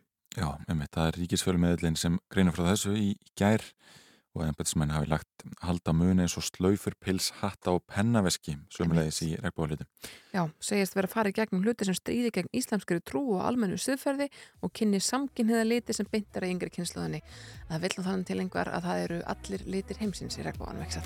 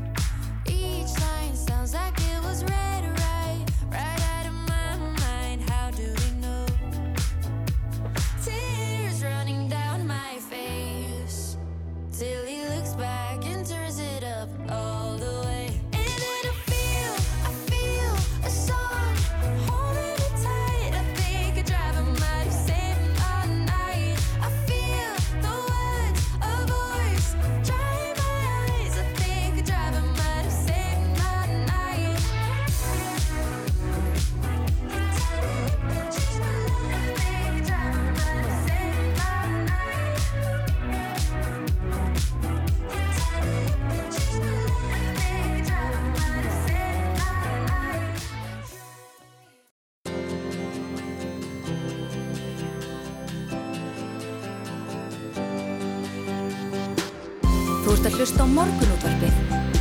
á Rástvö.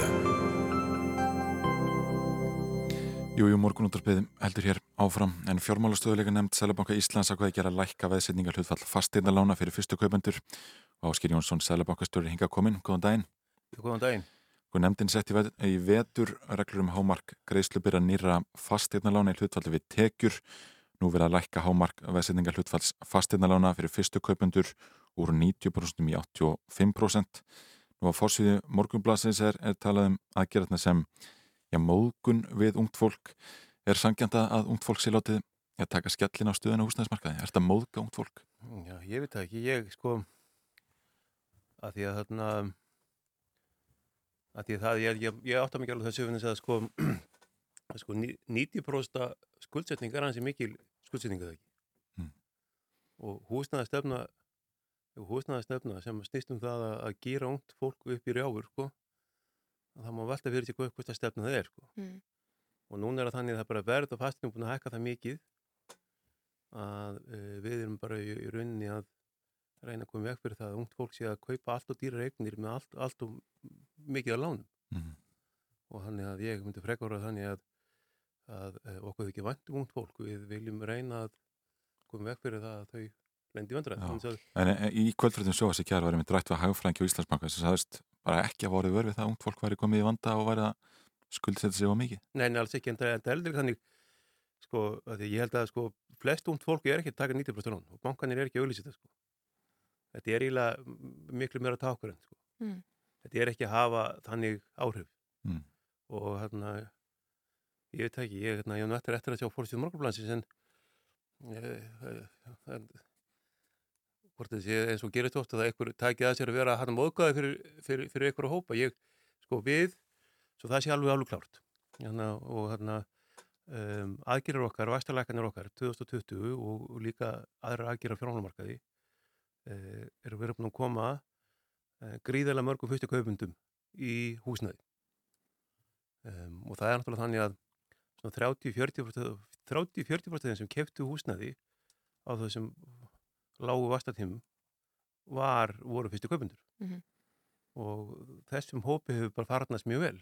Mm. og þarna og það er andala þannig að það eru mjög stórar unga kynslaður komin á markaða núna og það er ástæðan fyrir meðalans sem uppnámi á fastamarkaða því við sjáum núna að frambóðar að draga saman og í, í ár og næsta ár.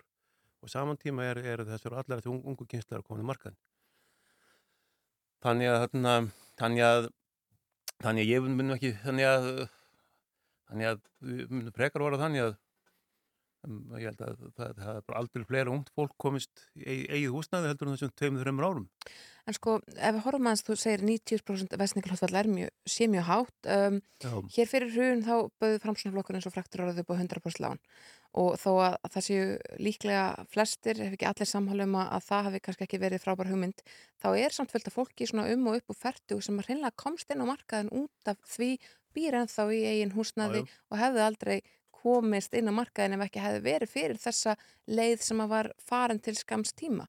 Sko, er eitthvað óæðilegt að ríkið hjálpi fólki að komast inn á markaðin þegar það er ungt uh, þannig að það geti setið í sinni eigin eign myndað, uh, myndað eign eftir því sem að árin líða og svo framvegs í staðan fyrir að það sé í þessu sko hamstrahjóli sem leigumarkaðurinn er þar sem að það eignast aldrei neitt.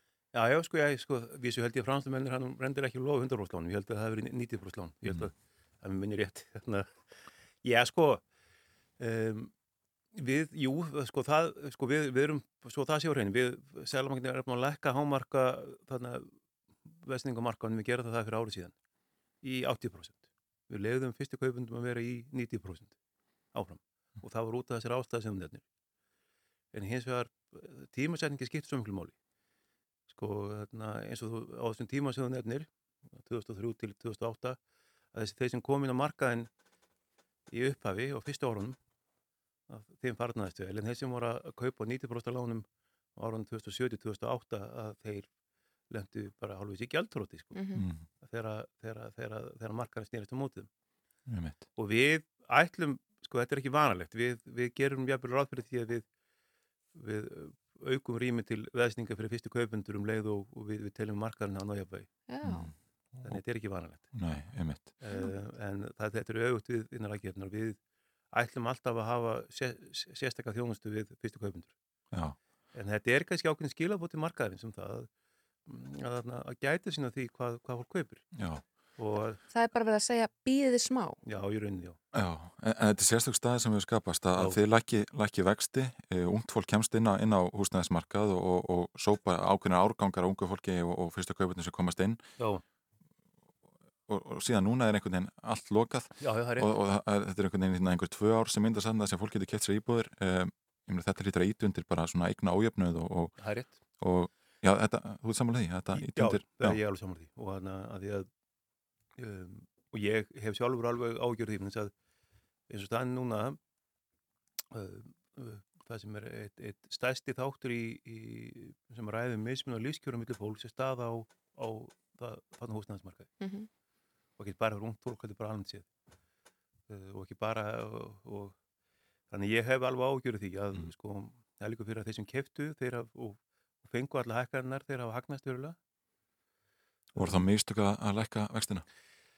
Nei, já, sko um, um, Nei, ég vístu þú, þú verður að hafa því huga þegar maður gerir grip til svona aðgerðin svo það lækka vexti þá náttúrulega var það við ákveðna aðstæður við ákveðnar upplýsingar og við vorum að grip til aðgerða þegar aðgerðið var eiginlega hálfvegs á leið í bara bara bara, hvernig voru að orða það atvinnuleysi og samdrátt sem báðum skala sem það aldrei sést áður þegar það bara í, í kjálfæra sér COVID aðgerða og það var verið að spá einhverjum 10-20% samdrætti og atvinnuleysi uh, langlegni upp í 20% bara sem dæmi. Mhm. Þannig okkur fannst, þannig við greipum til þess að gera þá. Líka þegar við greipum til þess að gera þá að uh, þá reyndar hafi verið mikið, 2019 var mikið frambóð af fastegnum og það var mikið ósveldum megnum þegar við byrjuðum að, Mhm. að lækka vexti og það sem við kannski sjáum ekki fyrir þá var það hvað frambóðu myndi síðan draga saman. En þetta er alveg, alveg rétt hjá þér að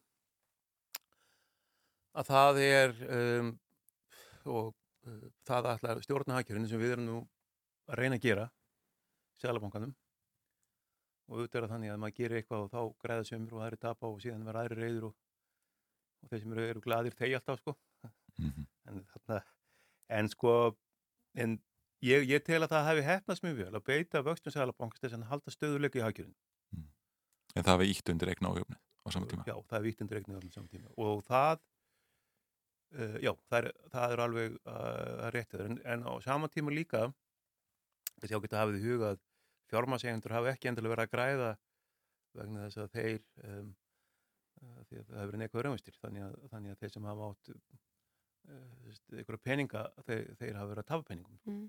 En sko er endilega rétt að þótt að þessi tímabundin aðgerðin svo nefnir að, að grípa inn í hjá fyrstakömmundum. Hefði ekki verið nærtakara að grípa inn í sko eignamyndun, fólk sem er að kaupa aðra eign, þriðju eign og svo hefði- það framvegis. hefði alveg, alveg komið ykkur enni Já, og akkur er það ekki, akkur er ekki farið svo leið í staðan fyrir að, að það fólk geti ennþá einhvern veginn bara mætt með guttsiklerum sínu opin hús og keift. Já, sko, um, já, sko það, það hefði alveg verið eitthvað sem hefði komið til greina líka. Um, ég vissi tel að það sé ekki önnur eign, ég held að það hefði verið mikill þáttur á árunum, kannski svona 2010, 11, 12, 13, 14, 15, guðlaus. Um, eh, líka í tjenslu við eh, hana, með hana, þessar hana, um, hana Airbnb íbúður. Um, ég held að aðra, fólk verður að kaupa aðra eign núna held ég meila aðalega verið út á landi. Mhm. Já, það hefði alveg komið til grein, það, uh, við, að gera það, við töldum ekki vandamál, en, en ég heyri það að þú, þú hefði bara átt að vera við sko borðið þannig að Ég ekki fjármála, fjármála, fjármála stöðuleika nefnda þegar við vorum, vorum að, vorum að uh, gera þetta, en þetta er ekki, sko, að því að þarna, þarna, við erum kannski öll, öll orðin hann um gömul og miðaldra sem að taka sér ákvörðin, en sko, en við álutum að við værum að vernda ungt fólk, Já. en, en ég, en að saman tíma þá skilji þetta svo ósku vel, Mhm. að hvað, hvernig þið er að, að, að, að hafa ekki heimili og, og, og hafa ekki sjálftætt líf sko. Já. að ég, þarna, sem nú ég ánum líka, börn sjálfur sko. En það má einmitt ímynda sér það að ef að krakkar og ungt fólk, fullari fólk, þarf að búa áfram lengur hjá fóröldur sínum, já. þá verður minni reyfing á þeim húsnæðarsmarka. Það er að segja, fullari fólk, það er að segja sem að á uppkomum börn, það getur ekki farið Já, já. að að, hérna, kaupa nýtt minga vissi og svo framvegist þess að rýma fyrir öðrum nýjum fjölskyldum. Þú veist, það hefur þau áhrifin að markaði mæntalega að, að það þurfa ennþá að eiga heimili fyrir batnið sem er löngu búið með háskólar og er 26 ára gamalt og heldur áfram að búa heima af því að það kemst ekki inn á húsnæðarsmarkað. Já, já, ég veit, ég veit það og það verður bara en sko ég er bara að segja því samingi að þarna bara þannig að ég skal taka alla ábyrða þessu sem, sem en nema það að sko um, náttúrulega við selvangi ræður ekki frambúðu fastegnum sko Nei. Nei. og ég held að einhverju leiti þá hafi skort fyrirriki í skipulagsmálum bara á, á þarna, þarna höfðborgarsvæðinu að það skulle ekki hafi verið planað eh, að byggja húsnæði fyrir þetta fólk sem er búið markan Já. þetta unga fólk er ekkit að sko, það er ekki huldufólk sko, það, það er búið að vera til sko í, já. einhver 20 ár. 20 ár, 20 ár, já, já, já, já. þannig að þannig að og, og, og, og, og mér, mér til varnaðar að, að þetta er eitthvað sem ég sjálfur hef varað margsins við Mhm. og ég, ég blá áður en ég var þarna sérst þarna selamangstjórið og sko, mér það slakin eigi e, sko, sko við sem núna er farin að tala um skiplasmúl en sko, slakin á alltaf að vera verktakamein það séu verktakarnir sem þurfa að hafa ágjörð því að selja Mm. en ekki, ekki kaupendamein að, að, að, að, að kaupin þurfa að hafa ágjörð því að geta fundið eign sko. Já. þannig að það, það á alltaf að bara sem markar á, á, á alltaf að vera bara yfirdrifin, það á alltaf að vera bara fullt af eignum í, í, í gangi það er mín, mín skoðun og við höfum nóg land hérna Já, og hérna en En, þarna, en, en svo ég segi nú afturvarandi þessar fyrstu köpum, þetta eru aðgerðarna sem við vorum að grifa til og gæri, voru að mestu leiti gegn verðtrúlun já það er jafna stöðu varðin verðtrúlun þetta voru þessar fyrstu köpunda aðgerði voru svona, þetta er ekkit svakalega mikið breyting sko, Nei. þetta er meira svona symbolíst og, og hérna ég eitthvað leiti skinja líka bara reyði ungs fólks bara yfir ástandinu. Já, já. En við erum að tala um fjölmenna árganga ungsfólks hérna og að eiga fleiri en eina eign, þá tók hjartin þetta saman hérna um, um áramótin. Þetta eru 52.000 íbúður sem eru í eigu einstaklinga eða lög aðila sem eiga fleiri en eina íbúð. Já. Fyrir það eðlegt? Já, sko Ég meina 52.000 íbúður, þetta, þetta er hérna, þetta myndi alveg já, sva, svala ein, einhverju hluta allavega af þeirri eftirspil sem er eftir húsnæði. Já, sko, um, sko eitthvað af þessum eignum eru vantilega í leigu vantilega. Um, eitthvað af þessum eignum eru vantilega börn, börn er eitthvað sem búið þessu. Ég, um, um, en eru eiga eign, margir þarna íslendingar sem búið ælendis eiga eign líka í bænum, Mhm. eiga eiga eign á Íslandi. Sko, ég held að það, vissu, svo, svo ég segja, ég held að það ekki verið mikið breyting á þessu núna á, á síðustu árum. Og eins og staðin núna að það borga sig í raumur ekki að kaupa eign og leia, sko. Það er leiði legur hefur hann ekki hækkað neitt til að þannig að þessum tíma. Og fastnaverið er alltaf hátt og það, það er engin peningur í að kaupa eign og leiðin út, sko. En þú getur látið leiðandi að borga upp íbúðuna. Já, það, það velti fyrir hvenar þú... En, en, en, en, ég, en þetta er alveg, alveg valið punktur, um, en það má alltaf fyrir sér, sko, um, um, að, na, mér, er alveg sjálfsagt mál að, að, uh, og ég held að bankanir reyndar, því það eru verri lánskjör þegar þú tekur í íbúinum tvö. Mhm. Og það hvort að Sælabankin er að beita sér gegn þessu beinum hætti, það er svona, að því það átti okkur því, ég, þarna, þessi nefnd sem að, sem ég reyndi að formaði fyrir ákvörðin, það er fjármálastöðuleiknefnd og við eigum að taka ákvörðinni sem við teljum að, að hjálpa upp á fjármálastöðuleika og einhvern veginn mingi líkunar því að fólk lendi greiðsluvandræðum og lánavandræðum og svona. Mhm. nefndin má í raun ekki á skoðan að fastna verið fyrir sig, það er bara alltaf fyrir sig ekki taka áttu þannig að, en ég hefði ágjörð því einhver liti, og það er oftan fyrir við tókum reynum að takmarka heimildi fólk, ungs fólks til þess að taka lán, af því við teljum að lán sé, hvað sé, sko, gleði rán eins og segir Já.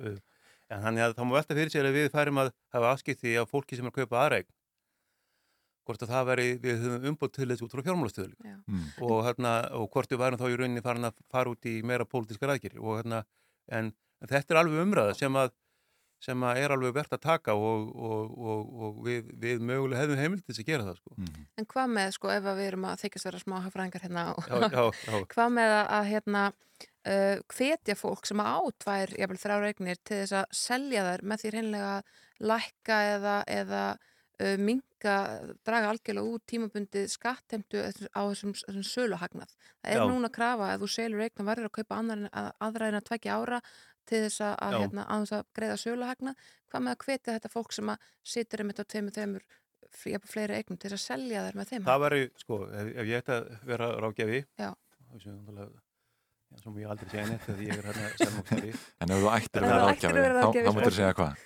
Nei, nei, en það má alveg velta fyrir sér ef maður ætlar að einhvern veginn að hugsa um þetta þá myndum Mhm. velta fyrir sér að hvort það ætti ekki að skatleggja uh, hagnað af, af uh, annar eign sem dæmi eða mörgum eignum sem venjulega fjármastekjur Mhm. það því að mjög ótt held ég að svo núna þá hagnaðar að því þú selur fastegnir er ekki skatlaður og uh, þá má velta fyrir sér hvort það er að afnema sér skattafríðindi Já. og en, en Myndir ráðgjafan segja það æskilegt? Ég veit að þess, það var eitthvað sem, en en annars má ég ekki hafa skoðan þessu Nei, ég og skil. þið ekki segja neinum frá ég- en, þarna, en þetta, þetta var eitthvað sem var rétt að skilur ef maður vildi ge gera það fremur heldur en við myndum Já. En- að því að, að því að sko um, að því að við um, um, að því að, sérst, að því það er kannski erfitt að sjá fyrir sér að selma ekki fara að beita tækjusinum til þess að í rauninni, eða fólk sem að er ekkit líklegt þess að lendi í greiðsluvandræðum, fólk sem er að kaupa aðreign sko. Mhm. Já.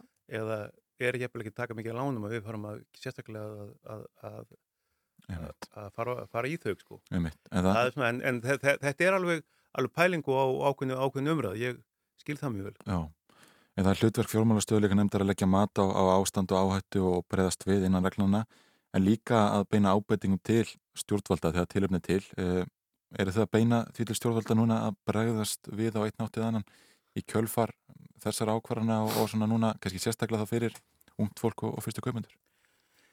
Já, sko við, Sælabankin er reyndar, svo þá komum fram, við, við höfum verið að taka þátt í samráði um, með verkefælisfélagunum og stjórnvöldum og, og, og húsnaðis og mannarkisónum. Mhm. Það sem við, við höfum verið við borðið uh, meðalans í það sem er að leggja fram aðgeri við að auka frambúð á, á næ- næsta árum og reyna að skipuleggja húsnaðismarkaðin betur þannig við náum að tryggja frambúð. Þannig að séum ekki sjá þessar söflur. Og þannig að, þannig við komum að því og en það var erfitt sko við, við, það er rétt, nefndin hefur heimild til þess og það eru nú opin heimild að við megum leggja til tilmæli við hvað stjórnvald sem er að gera eitthvað ef við teljum það ógn í fjármálastöðleika og þarna og, og sem að við höfum við höfum aðeins verið að beita þeirri heimild varandi þarna, þarna sjónu reyndar um, en sko en fjárhástinga þeirra en, en, en það var alveg, það var alveg pæling sko Mhm. en þau verður svona að hafa í huga að, að svo ég segja aftur að um, maður var alltaf sína gæta sín sko í hvað mál getur maður farið. Eins og varandi frambóð fastöðinu, þetta er komin yfir í skipulasmál, það er pólitísk mál eitthvað leiti, snýra bæjastóttum og það var svona lítir gleði með það að, að þegar að við byrjuðum að benda á frambóðskort fyrir eitthvað árið síðan Mhm. þá, þá fekk ég pólitískar árásir í staðinn. Og það að ég væri að varpa mér ábyrðið eða við því við höfum lækka vexti. En auðvitað er þannig að það er bæði frambóð eftirspunn við, við, við, það er alveg klárt að við jökum eftir fastöðnum með því að, að lækka vexti. Eða öllu heldur gerum, gerum fullt af fólki kleift að kaupa fastöðnir, sérstaklega ungu fólki.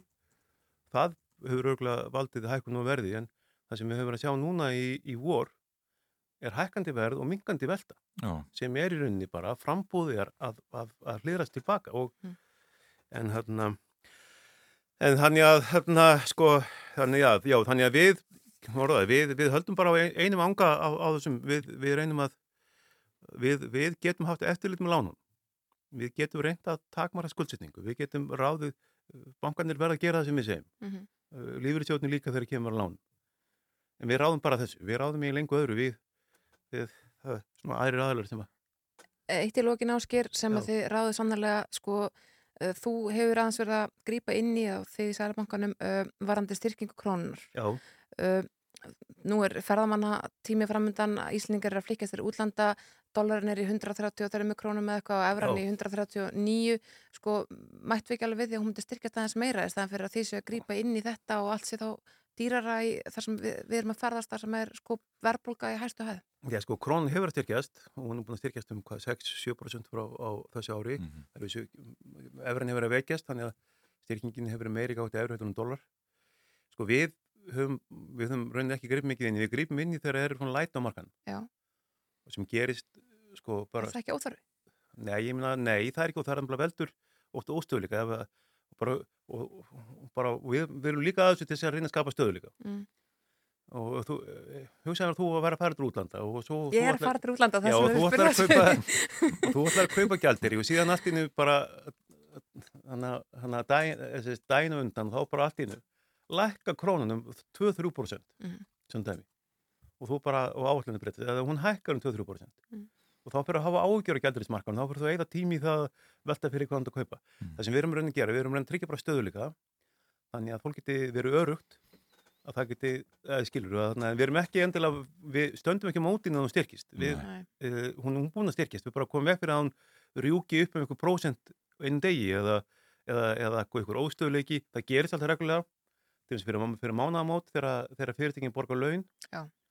og svo gerist eitthvað þegar eitthvað að fréttir er að gera þannig að við gerum það og hérna, að ég var alltaf svo gladur og álítið það að við sem gerum rétt þegar ég heyri ekki talað um gældurismarkaðin Mhm. sem ég hef bara ekki heyrt í allan vetur nokkurn veginn. Þá þýðir það að, að, að við erum að gera eitthvað rétt en þess að mestu völun sem að sem að sælbankstjóri getur fengið það þegar, þegar fólk talar ekki um hann eða talar ekki um sælbankan að, að, að, þá þýðir að það þá þýðir það að hlutin er að ganga eh, eins og eiga að ganga að, að því við erum bara að reyna að tryggja stöðuleika við erum að reyna að, að koma í veg fyrir það að markaðarnir hækki og lækki og, og, og valdi venjulegu fólki já. auðvitað er, getur okkur verið mislaðar hendur og við sjáum ekki allt fyrir en þetta er það sem við erum að reyna sko. Já, það er ekki mýltíma eftir, það er kannski rétt að enda á stöðsvið spurningu um stórt mál, Gilvi Magnússon, um, formar bankarásjáður, sagði gæra að um, já, það væri mögulega fjármála stormur í aðsí, við erum ágjörð því. Já, ég hef ágjörð því. Ég hef ágjörð því að sko að um, bara þetta við erum búin að vera tíu ár úti þar sem að búið að vera er mjög lági vextir og búið að prenta mjög mikið af peningum og það sé erfitt að vinda ofan því. Sælabankar hafa, úti hafa tekið þessar fjármagna fjárlahalla eins og erfisvæðinu og ég held að það veri mjög erfitt að fara tilbaka. Mm. Ég held að bandarækinn geti með auðvitað gert það, ekki auðvitað ránt, ekki auðvitað, en þeir eru að, að, að feta sér þátt og það verður ekkit auðvöld og, um, og, og líka um, nefrusvæði verður mjög erfitt, ástæðan fyrir því að sko, evru, vextir á eurusjónu er ennþá í mínus þó að það sé komið svo mikið verðbólga. Og þeir geta ekki hækka vexti þó þeir held ég vilja nú vegna þess að þeir hafa áhugjur á ákveðinu löndum eins og Ítalíu.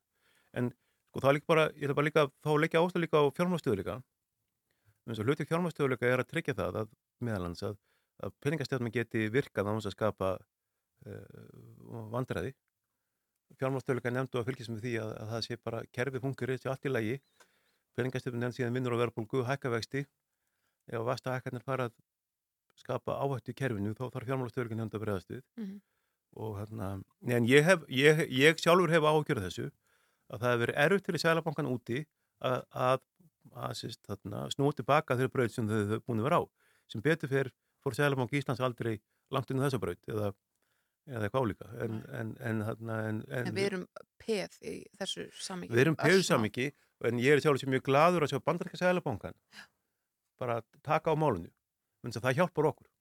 Við, við viljum að bandaríska sælabanki taka hart á þessu að því að við náttúrulega þurfum að flytja inn erlendaverðbúl Einmitt. Við komumst ekki lengri í þetta skiptið Ásker Jónsson, Sælabankastjóri, takk fyrir að kíkja til okkar í morgunúðbyð. Já, takk að Það kom að lokum hjá okkur í dag og í þessari viku. Á morgun er 17. júni og eh, hæ há í BA. Við vorum að þið skemmtu ykkur vel. Já, já, það er þetta nálgast allt okkar efni um, á Einmitt. Rættum um uh, Úkræn og tolla á landbúnaðavörur, dagsektir fyrir niðurnýslu á húsum, fórum yfir já, einhvers konar grænþvótt að kemur á fjármálamörkuðum. Já, svo full ástæði til að hlusta eftir og við til okkar við Ásker sem er að fara úr stúdíu núna. Já, akkurat. Við kærlega fyrir okkur. Já, þökkum fyrir samfélgina í, í dag og skiptum yfir á fréttastofuna.